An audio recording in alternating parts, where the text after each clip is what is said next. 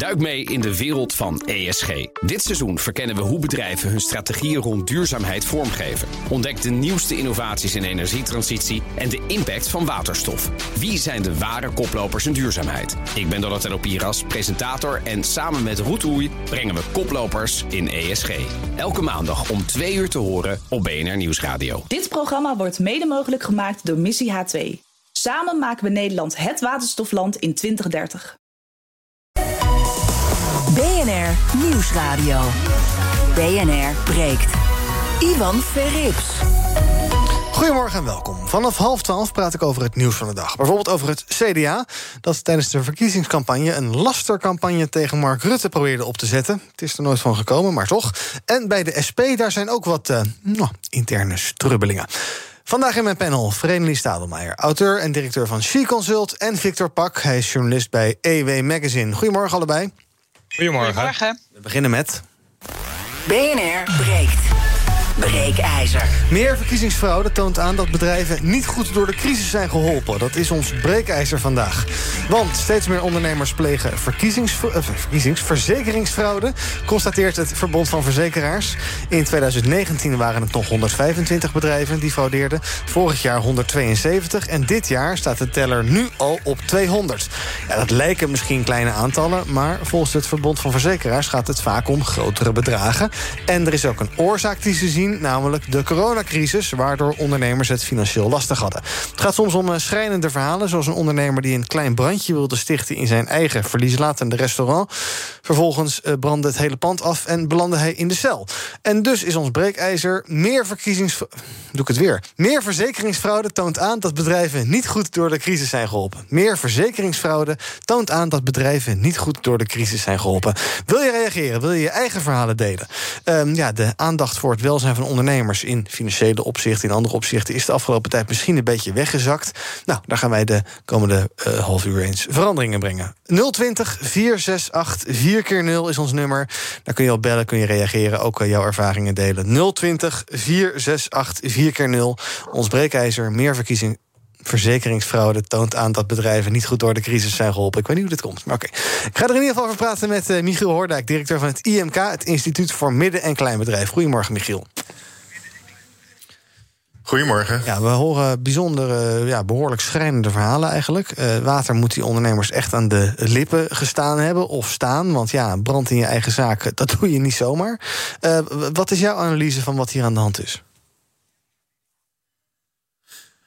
Um, nou ja, we lezen natuurlijk in de krant veel, uh, uh, veel belovende berichten dat het erg goed gaat met de ondernemers en dat ze de draad weer hebben opgepakt. Uh, nou is het lastig met een ondernemer dat hij naar buiten toe vaak erg positief zich uitstraalt. Dat heeft er ook mee te maken dat ze klanten zich welkom blijven voelen in, in de zaak. -hmm. maar daarachter zit vaak wel een hoop stress en, en spanning. En zeker daar waar het geld betreft. Want ze hebben natuurlijk een, een rampenjaar achter de rug. En uh, ja, niet iedere ondernemer had reserves opgebouwd voor corona bijvoorbeeld. Nee. Dus ook, ook voor corona waren er best wel kleine ondernemers die het wel eens lastig hadden. En ja, hoe ga je dat dan oplossen? En dat is, een, dat is vaak is dat er ook wel een inzichtsvraag. Want je hebt toch wel wat kennis nodig om te weten... als je een schuld hebt, je hebt een huurachterstand die er nog is, bijvoorbeeld... en je verhuurder die uh, wil, wil maar moeilijk meewerken. Nou, daar hebben we, tijdens corona hebben we het daar heel vaak over gehad, ook bij BNR... Mm -hmm. En um, ja, wat moet je dan? Je komt in nood. Je, kunt, je, kunt, je hebt zelfs geen geld meer om je uh, thuis voor het eten te zorgen. Um, er zijn er wel andere opties. Maar er zijn nu eenmaal ondernemers die dat op dat moment niet meer weten. Ja. En dus blijkbaar hier de oplossingen zoeken. Nog even los van het feit, wanneer noemen we iets uh, fraude? Dus zoals het nu wordt geschetst. Ja, als iemand inderdaad zijn eigen boel in de hand steekt, dat is fraude. Mm -hmm. uh, uh, maar we weten van verzekeringsmaatschappijen dat er soms ook wel het etiket fraude op wordt geplakt. Terwijl het dat, terwijl het dat eigenlijk niet is. Uh, maar er wordt geen politieonderzoek naar, naar, gedaan. Dus dan is dat ook het etiket wat erop wordt geplakt. Okay. Terug naar de ondernemer. Voor de ondernemer geldt inderdaad dat het. Uh, ja, er zijn, er zijn er best wel een heel aantal uh, die, die, die het water aan de lippen staat. Ja, um, um, ik kom zo even bij je terug. Ik ga een rondje panel doen. Dan gaan we zo meteen op wat zaken dieper induiken. Vredelie, nou, jij bent ondernemer. succesvol ja. ondernemer, denk ik. Ja, Zomaar. ja, nou, zeker. Ja. Schrik je ervan als je hoort over deze fraudezaken?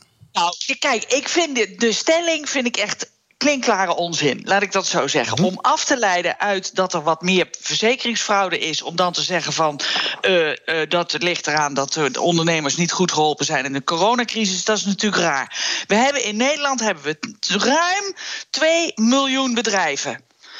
Uh, we praten over 200 fraudeurs. Dat is 0,01 procent. Mm -hmm. Waar gaat het over? In absolute zin over best grote bedragen. Ja, maar ik vind dit echt heel weinig fraudeurs. Ja. En, en dan zeggen ze, ja, maar het was vorig jaar waren het 175 en nu zitten we al op 200. Mm -hmm. Ja, misschien hebben we wel betere manieren om fraude op te sporen. Mm -hmm. we, we, worden steeds slimmer met data. We hebben, we hebben steeds, steeds betere manieren om dat uh, te kunnen doen. Dus misschien ligt het wel daaraan. Ja. Ik vind het echt veel te kort door de bocht om nu die conclusie te trekken. Uh, wat niet wegneemt dat er heel veel ondernemers zijn met heel veel problemen. Hè? Daar mm -hmm. wil ik niks aan afdoen. Maar ik vind de redenering slaat nergens op. Oké, okay, nou, daar ben je het mee oneens dus. Uh, hoe, hoe, kijk je er daarnaar hoe ondernemers geholpen zijn? Want het is uh, sinds begin deze maand is de generieke steun is, is afgebouwd, is gestopt. Uh, ja, eigenlijk daarna hoor je daar niet zoveel meer over. De, de winkels zijn weer open en de terrasjes lijken allemaal vol te zitten. Het lijkt ja. allemaal geweldig. Is, de, is dat ja. ook zo? Of zie je er ook nog wel veel ja, leed of ellende achter de schermen? Ik, er is bij ondernemers vaak veel leed achter de schermen. Uh, dat hebben we dan niet, uh, niet helemaal goed, uh, goed in de gaten. Ja, weet je, ik vind het ook een beetje. Als ondernemer moet je ook creatief zijn. En moet je ook van, van, van tegenslagen het toch weer in, in het positieve weten te draaien. En ik denk dat heel veel ondernemers daar ontzettend goed in zijn. En het, en het, het nu weer voor de wind gaan. En dan hebben ze misschien schulden die nog worden, moeten worden, worden afgebouwd. Maar ja ik denk toch ook dat het bij een heleboel ondernemers wel weer goed gaat. Bij ja. mijzelf ook. Ja, ja, Nou, dat is fijn. Victor, ja. uh, uh, we kunnen best wel zeggen dat de overheid, uh, denk ik... maar misschien is Michiel het daar niet mee eens... maar dat kunnen we zo even bespreken... niet eh, echt terughoudend is geweest met het geven van steun. Hè. Er, zijn, eh, er zijn brede steunprogramma's geweest voor alle sectoren. Als je maar omzetverlies had, hoe het kwam... maakt eigenlijk ook niet zoveel uit soms. Um, dus kan het daaraan liggen, denk jij? Het lijkt me stug. We hebben ruim 80 miljard als samenleving opgebracht. En de overheid heeft dat namens ons uitgegeven om die ondernemers te helpen. Nou, best een aantal hebben daar ook gebruik van gemaakt. Dus om dan te stellen dat omdat die, die fraude een beetje oploopt. Dat, dat die ondernemers zo zielig hebben gehad. Ja, -hmm het is een zwaar jaar geweest, maar dat, dat zit hem veel breder. Je ziet dat het gehele welzijn in die coronacrisis onder druk heeft komen te staan. Ja, en daar kan dit een gevolg van zijn. Ja. Maar had die steun daarvoor riant moeten zijn? Nou, ik denk het eigenlijk niet. Nee. Volgens mij heeft de overheid nog nooit zo'n soepele operatie eigenlijk uitgevoerd als de hele steunmaatregelen die er zijn geweest. Ja. De uitvoering ging redelijk vlot en vlekkeloos. En ook de afwikkeling en afbouw is, is soepel verlopen. Michiel, ben je het daarmee eens als je nu uh, terugkijkt op de afgelopen anderhalf jaar? We hebben het zo meteen nog wel eventjes over de afhandeling van NOW-cijfers en dergelijke. Maar in het, in het, in het algemeen? Jazeker. Ja, nee, ik denk dat er heel veel oplossingen geboden door de overheid tijdens corona. Dus uh, dat is uitstekend. En ja. uh, daar hebben heel veel ondernemers op door kunnen pakken. Ja. Um, nou hebben wij in, uh, in ons land allerlei vangnetten voor, voor particulieren als je ziek wordt of als je je baan kwijtraakt of weet ik veel wat. zijn die mogelijkheden er voor, voor ondernemers ook genoeg? Want jij zegt ja, er zijn dus vaak wel oplossingen voor mensen die een beetje wanhopig zijn. Ja. Um, maar welke zijn dat dan allemaal? Nou, er is, uh, er is een paar honderd miljoen is er uitgetrokken om ondernemers uh, ook nu nog te helpen. Dus ondernemers kunnen nu ook terecht nog steeds bij de gemeente. En dan hebben we het vooral over de kleine ondernemers. En, en ZZP'ers die van hun hobby zeg maar, een bedrijf hebben geprobeerd te maken. Kijk, dit zijn vooral ondernemers die voor corona ook al moeite hadden om het hoofd boven water ja. te houden. Dat, dat beeld schetste ik zojuist ook al. Dus ik begrijp helemaal uh, dat in de studio vooral ook wordt gezegd van ja, goed, een ondernemer die, die, die, die probeert uh, succes, succes, succes te bereiken en die is daar innovatief in enzovoort. We hebben een, ook een behoorlijke groep van ondernemers die dat, die dat niet voor elkaar krijgt. Maar er zijn juist nu, en die zijn vlak voor corona, uh, zijn er allemaal Nederland leert door, ontwikkeltrajecten enzovoort. Die zijn eigenlijk sinds 2019 bestaan, die al is weinig gebruik van gemaakt. Tijdens corona meer. Maar ik zie dat nu weer inzakken. En ik wil er juist voor pleiten dat juist die ondernemers die niet zo innovatief zijn, die niet dat succes bereiken, dat die gebruik maken van die regeling. Om ja. bijvoorbeeld uh, te stoppen met ondernemen en in een loopbaantraject terecht te komen. Of nou ja, dat soort oplossingen. Ja, Vreemdeling vind jij wel soms een beetje hard hoor. Want jij zegt ja, als je niet zo innovatief bent, dan, uh, nou ja, dan zak je er maar lekker in. Die, zo vertaal ik het even. Nou ja, kijk, weet je, ondernemer zijn is gewoon niet makkelijk. Nee. Uh, uh, als het heel makkelijk was, deed iedereen het ook wel. Dus, dus er wordt gewoon op heel veel verschillende fronten heel veel van je gevraagd. En mhm. soms is dat heel spannend. En soms zit je met je hele hebben en houden en je huis en je hypotheek en je hele godsganse vermogen. Zit je in, in, in, een, in een onderneming. Uh, en dat vraagt iets van je. Ja. dat is zo. Ja. En daarom worden ondernemers, als ze het goed doen, ook rijkelijk beloond. Nou, dat mag ook wel, vind ik dan. Oké. Ja. BNR breekt Ivan Verrips. Um, we praten over ons breekijzer. Meer verzekeringsfraude toont aan dat bedrijven niet goed door de crisis zijn geholpen. Wil je reageren? Pak je telefoon en bel naar 020 468 4 0 In mijn panel heb ik Victor Pak van EW Magazine. Je hoort ook Vreemdelie Stadelmeijer van She Consult. En Michiel Hoordijk, hij is directeur van het IMK. gaan we wat eh, bellers aan het woord laten. Anouar, goedemorgen. Goedemorgen. Zeg het maar. Ik ben het uh, niet eens met de stelling ik vind eigenlijk de stelling ook, ik zou willen uh, eigenlijk anders willen neerzetten. Stel als het hier zou gaan om een andere vorm van criminaliteit, want verzekeringsfraude is crimineel. Mhm. uh, of je dan de stelling ook zo uh, zou willen neerzetten. Ik ben bang dat er een klein beetje sympathie slash ja, dat we een beetje verzekeringsfraude gaan gedogen, soort van. Mm Zo van, we, we snappen het wel. Dat, dat, dat, ja. ja. En, daar, en, Als we het hadden over een hennepplantage op, op zolder... -huh. Dan, uh, of of, of uh, wat is co cocaïnecriminaliteit. Mm -hmm. Zouden we zo'n hele stelling. Uh, dan zou iedereen hem afmaken, om het zo te zeggen. Maar goed, daar kan natuurlijk ook wel een soort last resort zijn. Hè? Als je het echt niet meer ziet zitten dat je, nou ja, in dat soort. oh, ik hoor Frenly heel hard lachen, maar het wordt zo. Maar dat, je, maar dat je in dat soort criminele milieus belandt. Anouar. Ja. ja. Kijk, ik denk dat onderne ondernemers in Nederland. maar in hun handjes mogen knijpen met hoe de overheid ermee is omgegaan met de mhm. coronacrisis en alle steun. En het is heel vervelend, maar als je gewoon echt in de, zwaar in de problemen komt, dan kom je er in Nederland altijd uit. Je, dan, dan, dan ben je geen ondernemer meer, dat is heel vervelend. Maar dan kom je in het sociale uh, stelsel en dan word je geholpen, je komt van je schulden af. Het komt allemaal uiteindelijk goed, hoe moeilijk het ook is. Maar ik vind, er is nooit een reden en een geldige reden om de, om, om uh, de verzekering op te lichten. Of welke vorm van criminaliteit ook te, te bedrijven. Duidelijk, dat is onze breekijzer ook niet hoor. Maar in ons breekijzer, hè, dit zou kunnen aantonen dat bedrijven niet goed door de crisis zijn geholpen. Maar ik snap je reactie. Dank. Frodo, goedemorgen. Ja, uh, Ivan, goedemorgen. Zeg, um, ja, ik snap het wel met die ondernemers. Kijk, ik zal mezelf even uh, als voorbeeld nemen. Ik heb een uh, gespecialiseerde groentekwekerij, alleen maar voor de horeca. Mhm. Nou, dan snap je wel dat ik helemaal de shark was vorig jaar. Ja. Zo, door de winter heen. En van de overheid kreeg ik helemaal geen cent. Nu had ik wel het geluk dat mijn vader bijsprong. bij hem heb ik een deel van de hypotheek van een huis. En dat heeft hij on hold gezet. Mhm. Ehm, in de buurt kon ik een baan vinden, een bijbaan voor een paar dagen. Dus ik had geluk. Maar ik snap dat er ondernemers zijn die geen geluk hebben. Nee. Uh, en als je in financiële problemen zit, dat is al lang uitgezocht, dan krijg je ook een soort verstandsvernauwing. En dan doe je gekke dingen. Mm Ik praat het niet goed. En by the way wil ik ook nog even zeggen dat die uh, Fredelie, die uh, mag van mij naar de Efteling. Want die heeft echt geen verstand van ondernemers nood. Zo, vriendelijk. Ja, Oké. Hm. Hm. Nou, wat heb je erop te zeggen? Niks, hè? Papier hier, maar ja, papierwerk.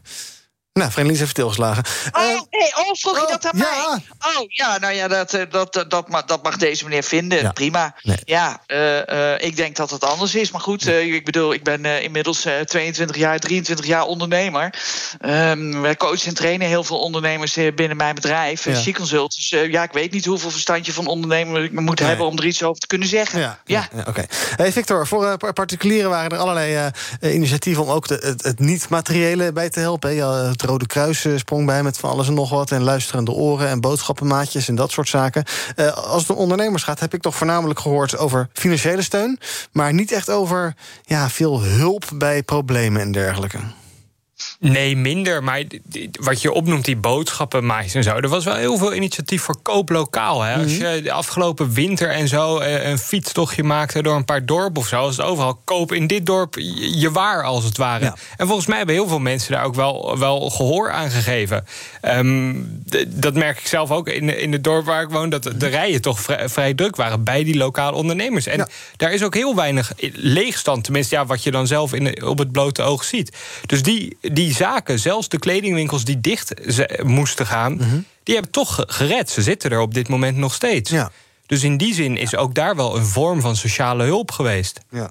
Michiel, wat is jouw indruk? Uh, ben je het met, met Victor eens? Of is het toch te veel over... Ja, bij ondernemers denk je toch al snel aan geld... en dat moet gecompenseerd worden. En uh, ja, wat er geestelijk achter kan zitten... misschien dat dat een beetje weggezakt is? Nou, geld is wel een concreet probleem natuurlijk. Dus, um, en een ondernemer is wel vrij snel in staat om uh, ergens op door te pakken. En ja, misschien uh, hoort uh, soms een beetje spanning ook wel wat sneller bij een ondernemer, omdat hij zijn eigen broek op moet houden.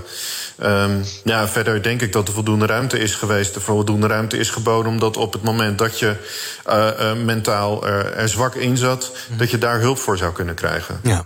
En dan komen er weer nieuwe coronamaatregelen aan. Dat zijn de berichten. Ik denk dat we daar gevoeglijk vanuit mogen gaan. En Michiel, als dat nou nodig is, uh, wat zou jij het kabinet dan, uh, dan, dan willen meegeven daarover? Moeten we dan maar die QR-codes gaan uitbreiden of de anderhalve meter weer invoeren? Wat zijn jouw gedachten daarbij? Nou, de QR-code geeft nu in ieder geval een middel om snel bij de toegang controle te geven. En uh, ja. Kijk, de anderhalve meter, dan moeten we. Ik denk dat veel meer maatwerk nu nodig is. En uh, niet dat de horeca uh, ineens op slot gegooid gaat worden of dat er weer winkels dichtgaan. Mm -hmm. dus ik denk dat, het, dat er een stuk van de verantwoording ook moet, uh, bij de ondernemer moet komen te liggen. Hoe hij, hier, uh, hoe hij hiermee omgaat. Hm. En uh, minder overheidsreguleren eigenlijk. Okay. Vind je dat de overheidssteun ook terug zou moeten komen als de maatregelen weer, weer toenemen in die zin? Want corona kan misschien ook inmiddels wel na anderhalf jaar een soort ondernemersrisico zijn geworden. Ja, het ondernemersrisico is het, is het nu nog niet. Uh, uh, kijk, kun je het bijvoorbeeld, je het kunnen verzekeren? En er zijn inmiddels wel mogelijkheden voor. Het, een lockdown wordt je opgelegd. Um, op het moment dat je ook mogelijkheden hebt om dat te kunnen ondervangen. Uh, dan, dan wordt het ook een ondernemersrisico. Want dan neem je het mee in je, in je, ja, in je pakket eigenlijk. Ja. De termijn die er, als we het nu hebben over dezelfde sector, uh, de retail, de detailhandel, de, detailhandel, de horeca enzovoort. Um, ja, die zitten eigenlijk nog in het oude coronaleven. Want die zijn pas een paar maanden weer open geweest. Dus dan zou nu de termijn te kort zijn om te zeggen: hé, hey, dat, is nu, dat valt nu onder het ondernemersrisico. En dan zou je de conclusie trekken dat dan de ondernemersmaatregelen voor nu, dus voor de COVID 2019, eh, zoals die nu dan heet, uh, nog voortgezet moeten worden. Op het moment dat je in een nieuwe COVID komt, dan uh, zou die namelijk ook bijvoorbeeld verzekerd kunnen zijn. Dus dan kun je daar tegen een premie kun je dat risico bijvoorbeeld afdekken, of je kunt andere maatregelen treffen. Vreemdeling, doe jij iets om ja, coronarisico's ook eventueel voor de toekomst enigszins af te dichten, zelf of extern? Nee, ik denk dat wij goed geanticipeerd hebben op, uh, uh, op wat er gebeurde. En daar kunnen we gewoon mee doorgaan als dat, als dat nodig is. Dus nee, dat doen wij niet. Nee. Michiel, tot slot eventjes. Uh, ik zei al, we moeten het even hebben over de afhandeling van al die coronasteun. Want uh, over een paar dagen, de 31 oktober... dan um, verloopt een deadline waarbij bedrijven een vaststelling moeten aanvragen... voor de eerste ronde NOW-steun. Beetje een technisch verhaal, maar dat heeft ermee te maken dat... ja, je moet, de, de, we moeten de, de eindafrekening gaan, gaan opmaken. Er zijn 10.000 bedrijven die hebben dat nog steeds niet gedaan, zegt het UWV. Die maakt zich daar ernstige zorgen om. Um, ja, hoe, hoe, hoe, hoe, hoe komt dat? Hoe kunnen we die bedrijven nog bereiken? Wat, wat is aan te doen? Ja, die, die ondernemers zijn er wel goed al over ingelicht. Um, uh, maar de, de, ja, de, accountants moeten hier vaak ook, uh, ook voor aan de slag. Mm -hmm. En uh, die hebben hun eigen planning uh, soms nog wel eens uh, hierin. Um, dus ja, leg in ieder geval neer. Als je weet wat je planning is en je gaat het niet redden, zorg ervoor dat je dan op de een of andere manier uitstel kunt krijgen. met, een goede, met een goede verklaring daarbij. En anders zorg er echt voor dat je stukken er zijn. Want anders moet je geld terugbetalen. Ja. Dat, is, dat staat zo vast als een huis. En dat zou zonde zijn. We sluiten het half uur af met Errol. Goedemorgen. Errol. Goedemorgen. Hallo, zeg het maar. Hi.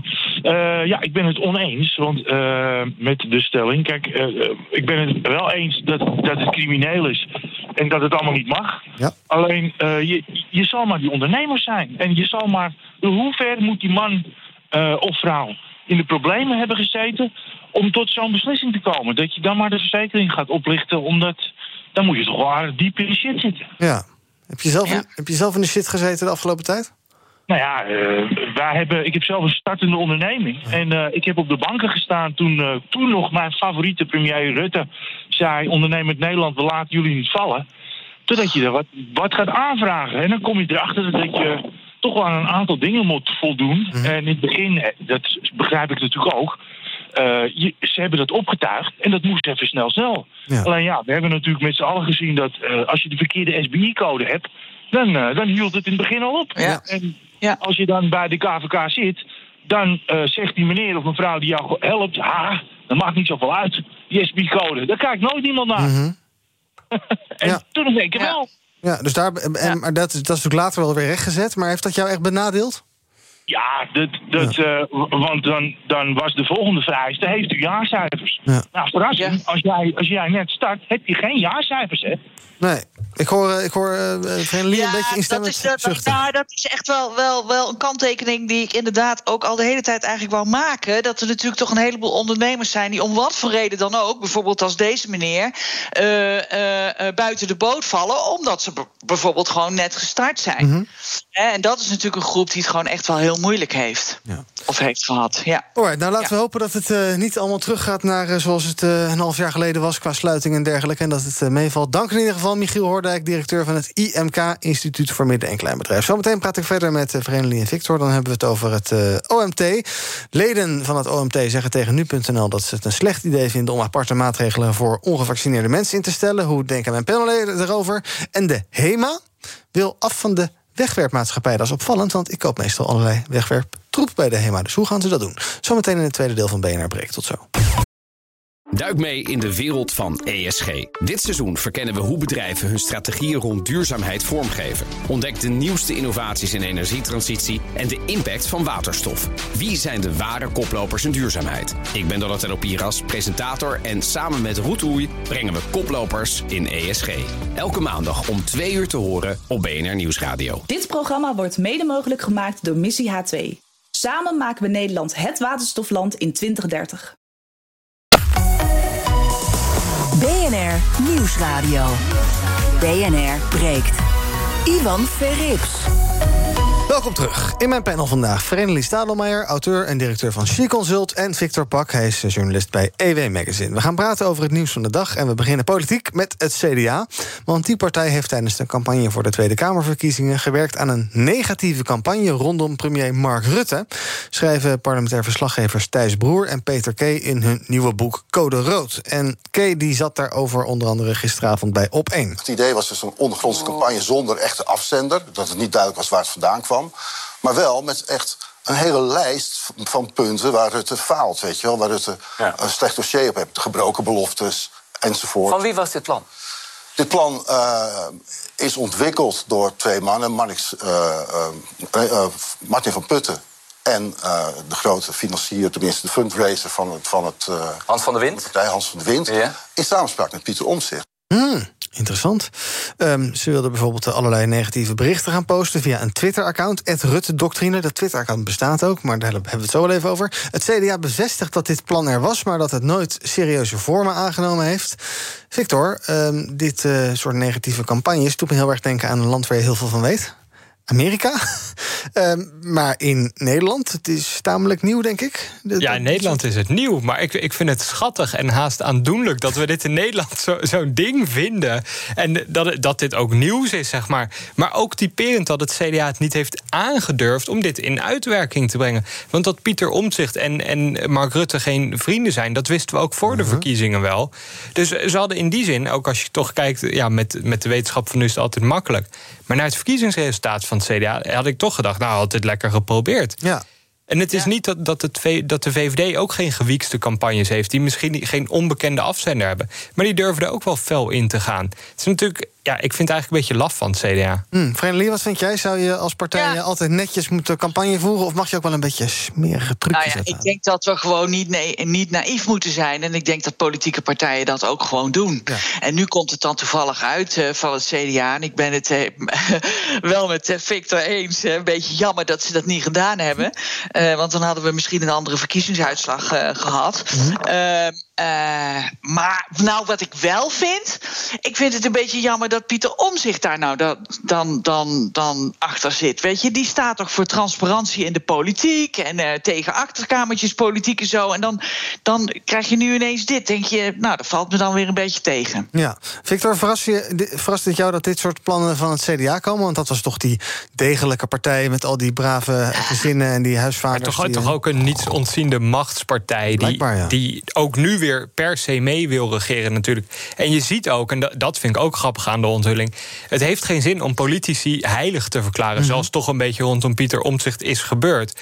Ook hij bedrijft politiek en maakt dus gewiekste plannen... om zelf de grootste te willen worden. En dat is ook waar het uiteindelijk om gaat in die zin. Maar dan moet hij toch niet zijn mond vol hebben van nieuwe bestuurscultuur en dergelijke. Dan moet hij gewoon zeggen: ja, smerig spel, zo hoort het nou helemaal. Ja, smerig spel in Nederland zou wel een vernieuwend element zijn in de Nederlandse politiek. Ja. Zeg maar. en, het, en oprecht denk je wel, als je kijkt naar dat er zo'n gebrekige campagne is gevoerd de mhm. afgelopen tijd. Er werd een ontzettende deken over het land uitgesmeerd van we zitten in een crisis, we moeten hier samen uit.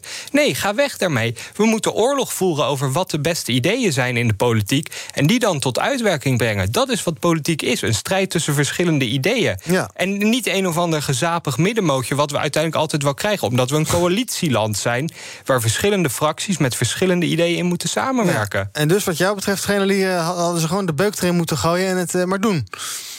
Nou ja, ik vind het, ik vind het onvoorstelbaar dat, we, dat een kabinet wat we naar huis gestuurd hebben wegens falend beleid, uh, uh, dat we dan een hele zoetsappige verkiezingscampagne uh, voeren. En dat het resultaat is dat we gewoon weer met dezelfde club nu een nieuw kabinet gaan krijgen, denk ik. Ja, dan is dat dus in ieder geval de uitkomst van de verkiezingen.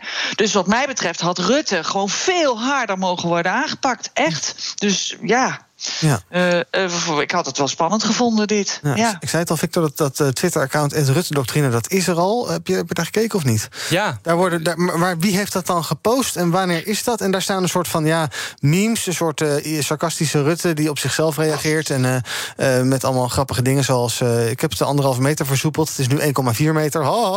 Maar wat is de, dus er is toch wel al iets gebeurd in die richting. Ja, maar hebben ze daar de stagiairs opgezet... met een soort van pret of zo? Want het dit, die, dit, als dit het idee echt was, dan slaat het nergens op. En dan wordt het ook flink aangedikt nu. Want dit is helemaal geen negatieve campagne. Dit zijn een beetje flauwe, flauwe grapjes. Hmm.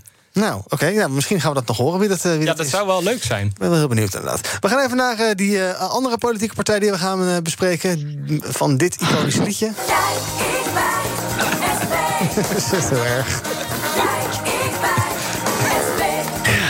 erg. De SP heeft gisteren meer dan 30 leden de partij uitgedonderd. Dat zou zijn omdat zij ook uh, betrokken zijn bij het Marxistisch Forum. En ik geloof ook bij uh, Rood.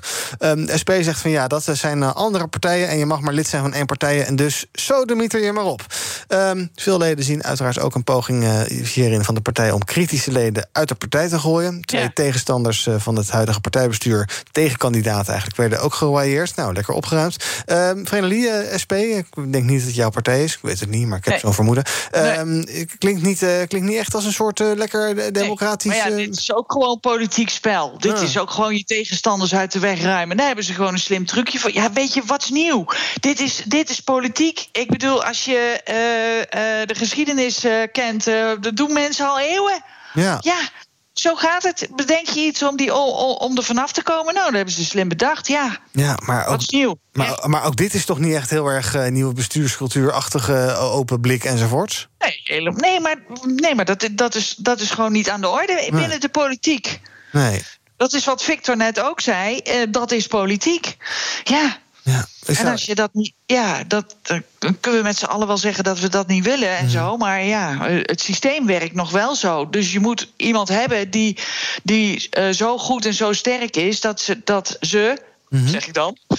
Hè? Blijf. Uh, uh, dat ze daarboven staat en, en het kan veranderen. Ja. Maar Victor, dit is natuurlijk niet echt bepaald van je eigen kracht uitgaan. Als je tegen mensen zeggen die een tegengeluid laten horen. of misschien een wat strengere lijn aanhouden. dat je zegt: Oh, ga zo de mieter dan maar op. Ja, nou, wat het verschil, of wat ik hier eigenlijk kwalijker aan vind dan bijvoorbeeld dat bij het CDA, en mhm. waarvan ik niet weet of dit nog wel echt politiek is, is dat eigenlijk de doelpalen gewoon zijn verzet door de partij zelf. Want dat die jongerenbeweging is aangemerkt als politieke partij is heel vreemd. Ze doen niet eens mee aan verkiezingen. En dat is toch vanuit zeg maar, de politieke wetenschap wel een definiërende eigenschap mhm. van een politieke partij. Namelijk dat je verkiesbaar bent. Of dat je, dat je uh, politici aanlevert om verkiesbaar te zijn.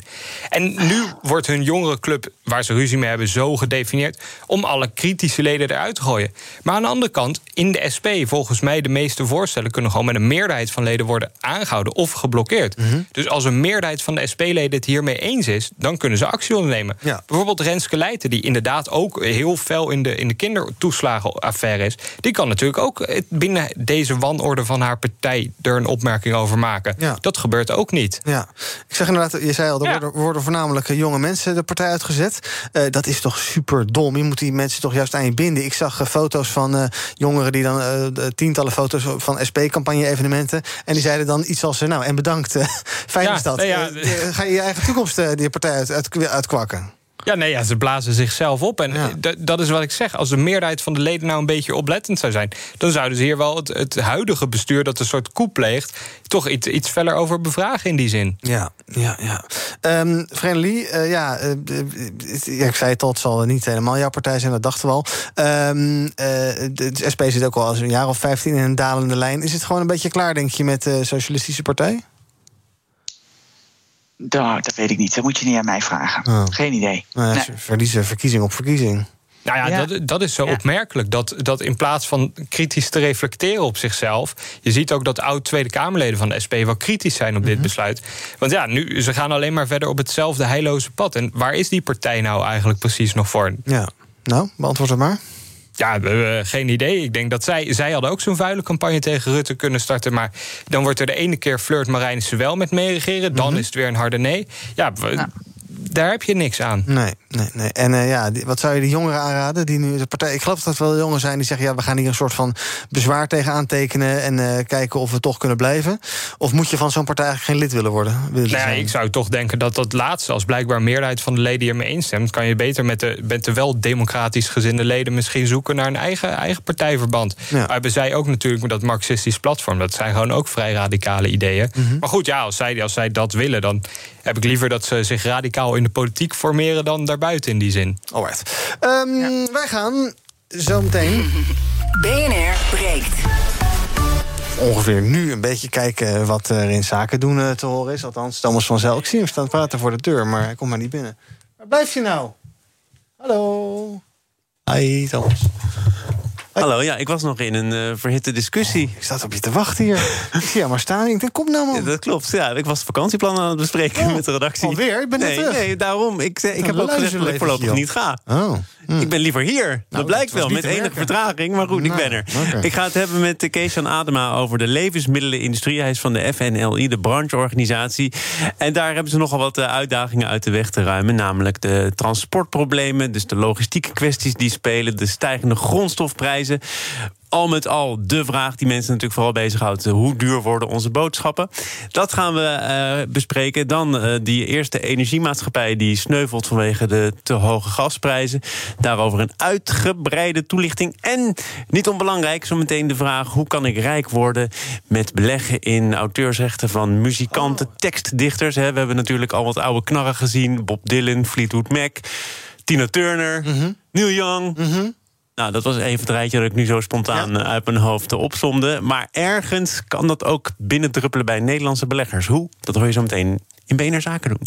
Nou, loop rustig terug. Was het toch nog wel de moeite waard? tas af en uh, kom even rustig op adem. Zometeen in uh, Zaken doen met Thomas. BNR met in mijn panel vandaag Victor Pak. Uh, hij werkt voor EW Magazine. En Vreemdeling Stadelmeijer. Zij is uh, directeur van She Consult. Uh, we gaan het even hebben over, ja, toch nog maar even corona. Maandag hadden we hier al een tamelijk vurige discussie over het... Oh, ja, hoe moet je dat dan doen? Moet je alleen maar maatregelen gaan nemen voor mensen die ongevaccineerd zijn... of toch, of toch voor iedereen? Nou, na onze uitzending werd de persconferentie vervroegd. aanstaande dinsdag komt die eraan. Ehm, en daar gaan ja, nieuwe maatregelen worden aangekomen. Dat is duidelijk, aangekondigd, dat is duidelijk. In de discussie in Den Haag is inmiddels ook onvermijdelijk. En gaande moet er onderscheid worden gemaakt tussen mensen die gevaccineerd zijn en mensen die dat niet zijn. Hugo de Jonge houdt de opties open, maar een aantal OMT-leden zegt vanochtend tegen nu.nl van nee, daar zien wij helemaal niks in. Er moet geen polarisering ontstaan.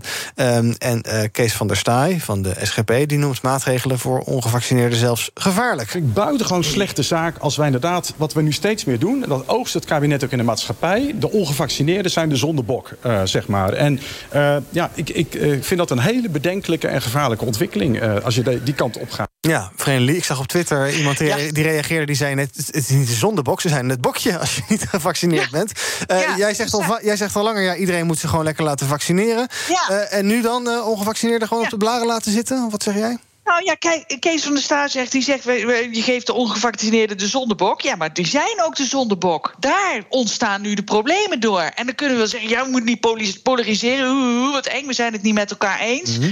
Ja, ik denk, het, het, het, gros van de mensen die in de ziekenhuizen terechtkomt, die op de IC's terechtkomen, dat zijn mensen die niet gevaccineerd zijn. Mhm. Dat zijn de mensen die dus voor het probleem zorgen. Uh, en dan uh, de, de, achterban van Kees van der Staaij, die zegt dus van uh, ja, de, gods wil, als we corona krijgen, dan is het maar zo. Mhm. Maar vervolgens willen ze wel op de IC behandeld worden. Dat mag dan wel denk, ja, dit is gewoon zo krom als een hoepel, de redeneringen. Ik denk dat je echt naar andere maatregelen moet voor mensen die zich niet vaccineren.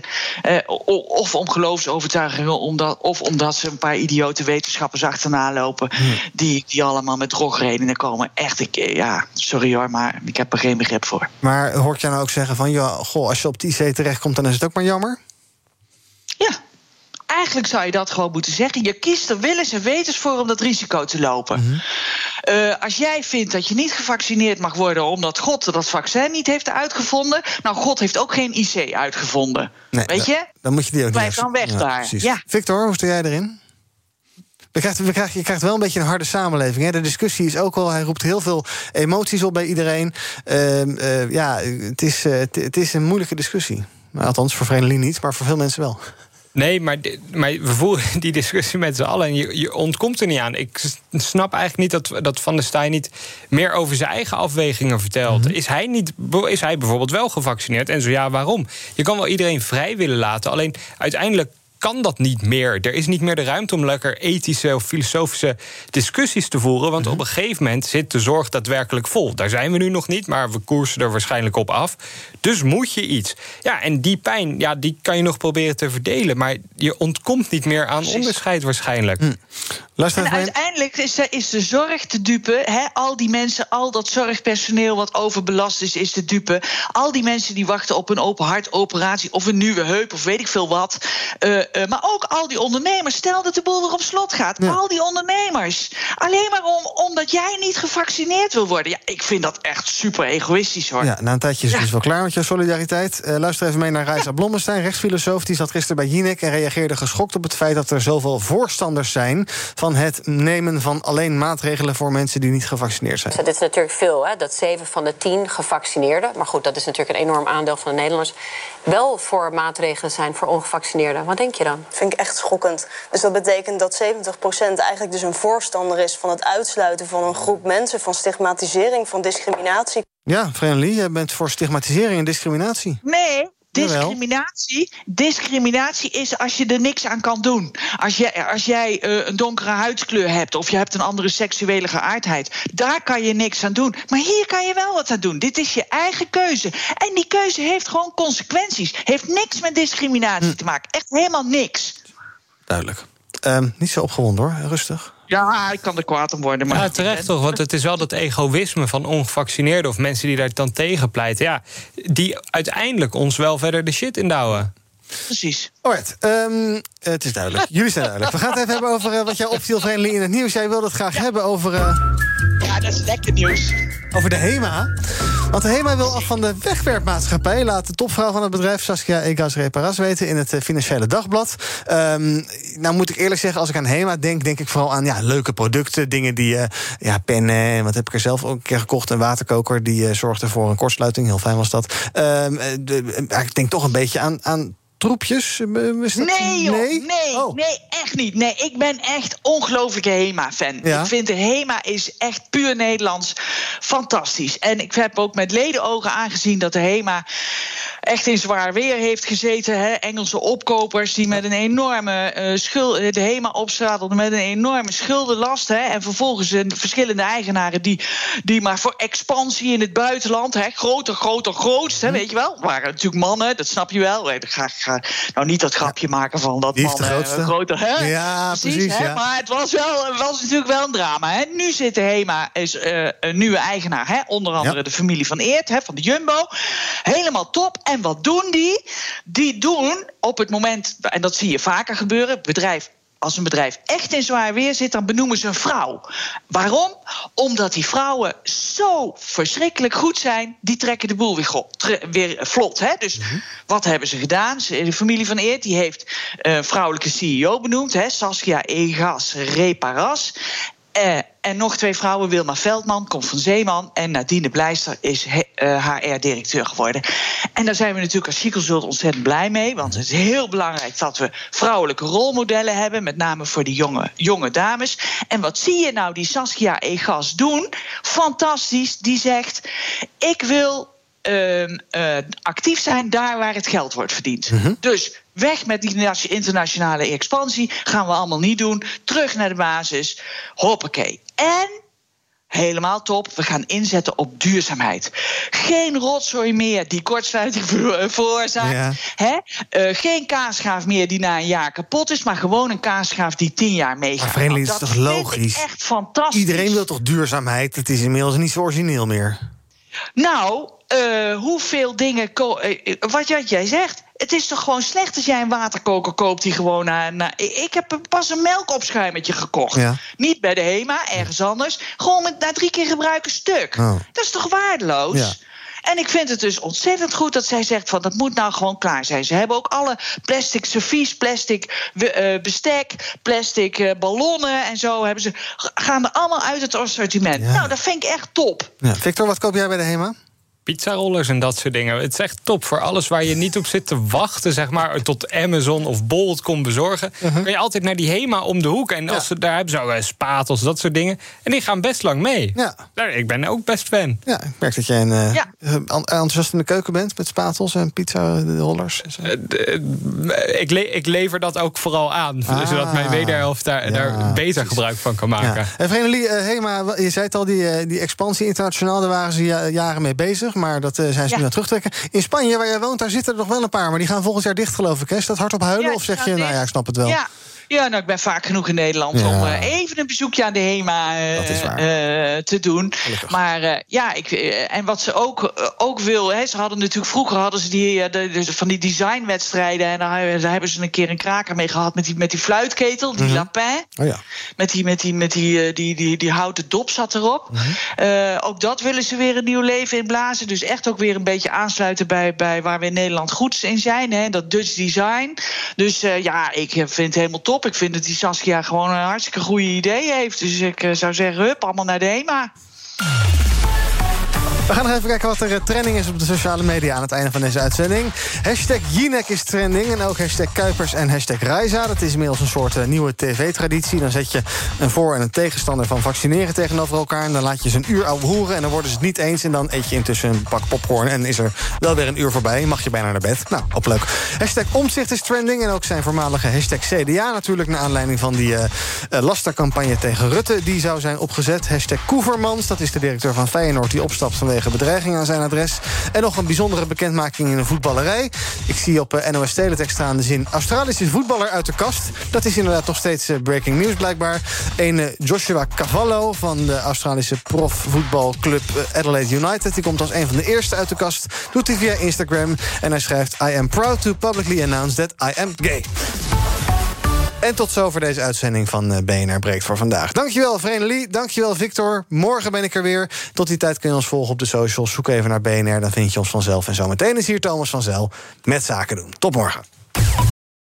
Duik mee in de wereld van ESG.